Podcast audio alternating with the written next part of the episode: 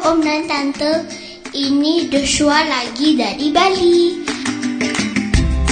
Kita jumpa lagi dalam Fresh Juice, Sabtu 7 September 2019.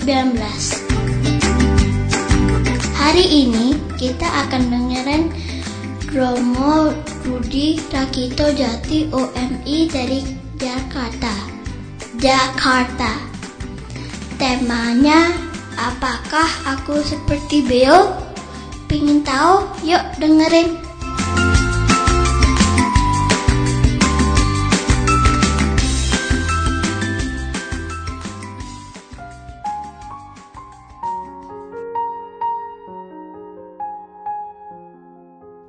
Selamat pagi para sahabat Fresh Juice di mana pun Anda berada. Apa kabarnya hari ini? Sehat? Sehat. Kita berjumpa lagi pada hari ini, hari Sabtu 7 September 2019. Pada hari ini, kita akan mendengarkan sabda Tuhan dari Injil Lukas bab 6 ayat 1 sampai 5. Pada suatu hari Sabat, Yesus dan murid-muridnya berjalan di ladang gandum. Para murid memetik bulir-bulir gandum, menggisarnya dengan tangan, lalu memakannya. Tetapi beberapa orang Farisi berkata, "Mengapa kalian melakukan sesuatu yang tidak diperbolehkan pada hari Sabat?" Maka Yesus menjawab, "Tidakkah kalian baca apa yang dilakukan Daud ketika ia dan para pengikutnya lapar? Dia masuk ke dalam rumah Allah dan mengambil roti sajian." Roti itu dimakannya dan diberikannya kepada para pengikutnya. Padahal roti itu tidak boleh dimakan kecuali oleh para imam. Dan Yesus berkata lagi, "Anak manusia adalah Tuhan atas hari Sabat." Demikianlah Injil Tuhan. Terpujilah Kristus.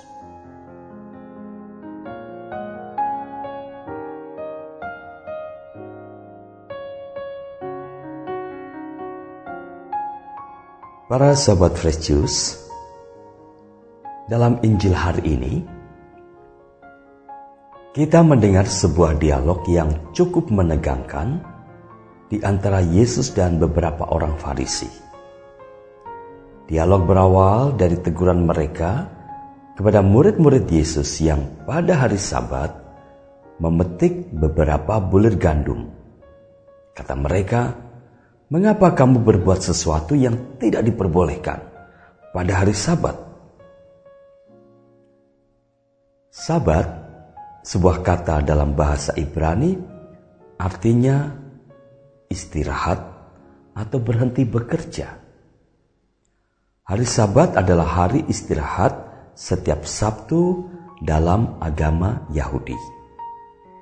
Sekedar Anda tahu bahwa demi kekusukan hari Sabat, orang Yahudi mengikuti beberapa peraturan, sebagaimana tercantum dalam Traktat Sabat Misnah bab 7 ayat 2.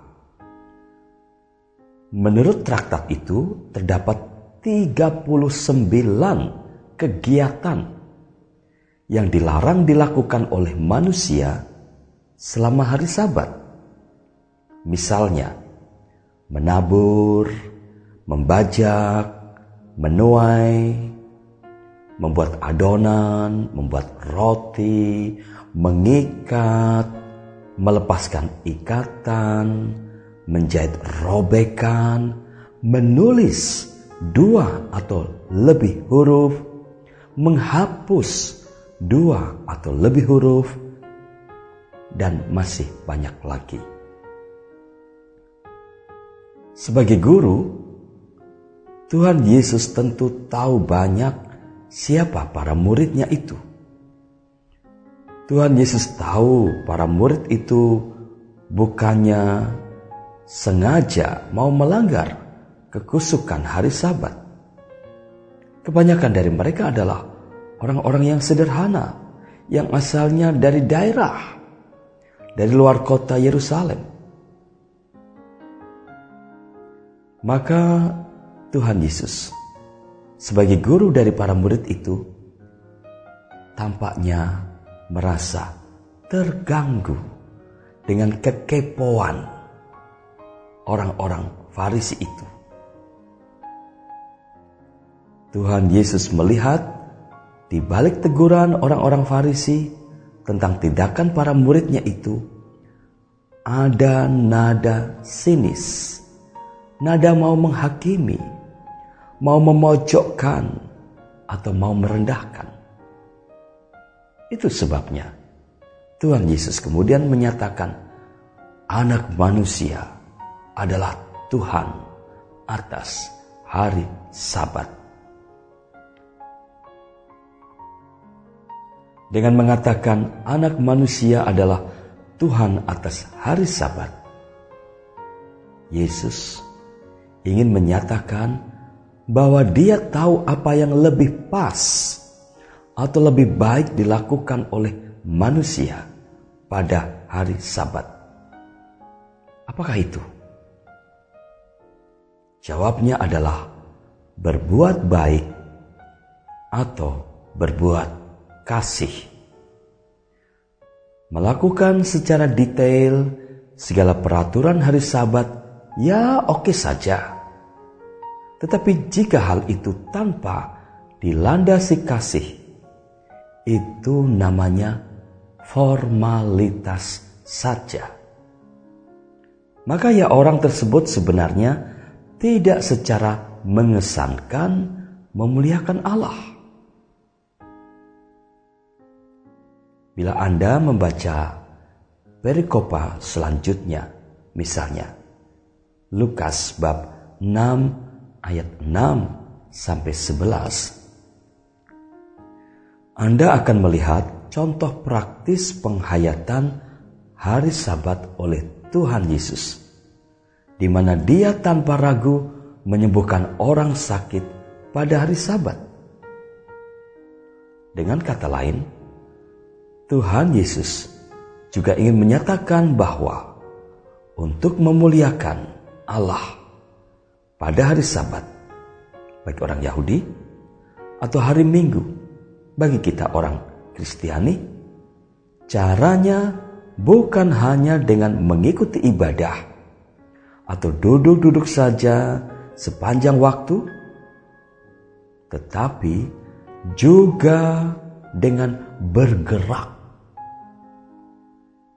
berbuat kebaikan berbuat kasih pelayanan kepada sesama, khususnya kepada mereka yang menderita atau tidak seberuntung hidupnya dibandingkan kita. Maka para sahabat Fresh salah satu pesan yang bisa kita petik dari Injil hari ini adalah rajin beribadah itu belum cukup bila tidak ditambah dengan berbuat baik, berbuat kasih kepada sesama. Atau dalam bahasa Paus Franciscus, tak ada gunanya jika seseorang rajin beribadah tetapi tidak berbuat baik dalam hidup sehari-hari. Mereka yang rajin beribadah di gereja tetapi tak berbuat baik mereka itu seperti burung beo, hanya bisa berkata-kata. Sebuah cerita sebagai pemanis renungan hari ini. Cerita tentang burung beo saja ya. Ada seorang pemuda bernama Sigit. Dia memiliki burung beo yang pintar Burung beo itu pintar berbicara mengikuti perkataan Sigit. Nah, pada suatu hari, si Sigit ini sedang kambuh hobi usilnya. Ketika ada tukang bakso lewat, si Sigit membisikkan kata-kata kepada burung beonya. Abang bakso, satu dong.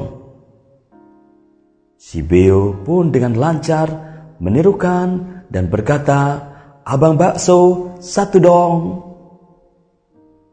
Si tukang bakso pun bingung karena dia tidak melihat seorang pun di situ. Tidak lama kemudian, lewatlah seorang tukang becak. Kembali, si Sigit membisikkan kata-kata kepada bionya. Tukang becak, sini dong. Si Beo mengikuti perintah si Sigit dan berkicau, tukang becak, sini dong. Si tukang becak pun bingung karena dia tidak melihat seorang pun di situ. Kemudian, lewatlah seorang pria berbadan besar, penuh tato, muka sangar, di pinggang terselip parang besar. Mungkin dia preman yang biasa mangkal di pasar terdekat. Si Sigit membisikkan kata-kata kepada bionya lagi. Hei preman, siapa lu?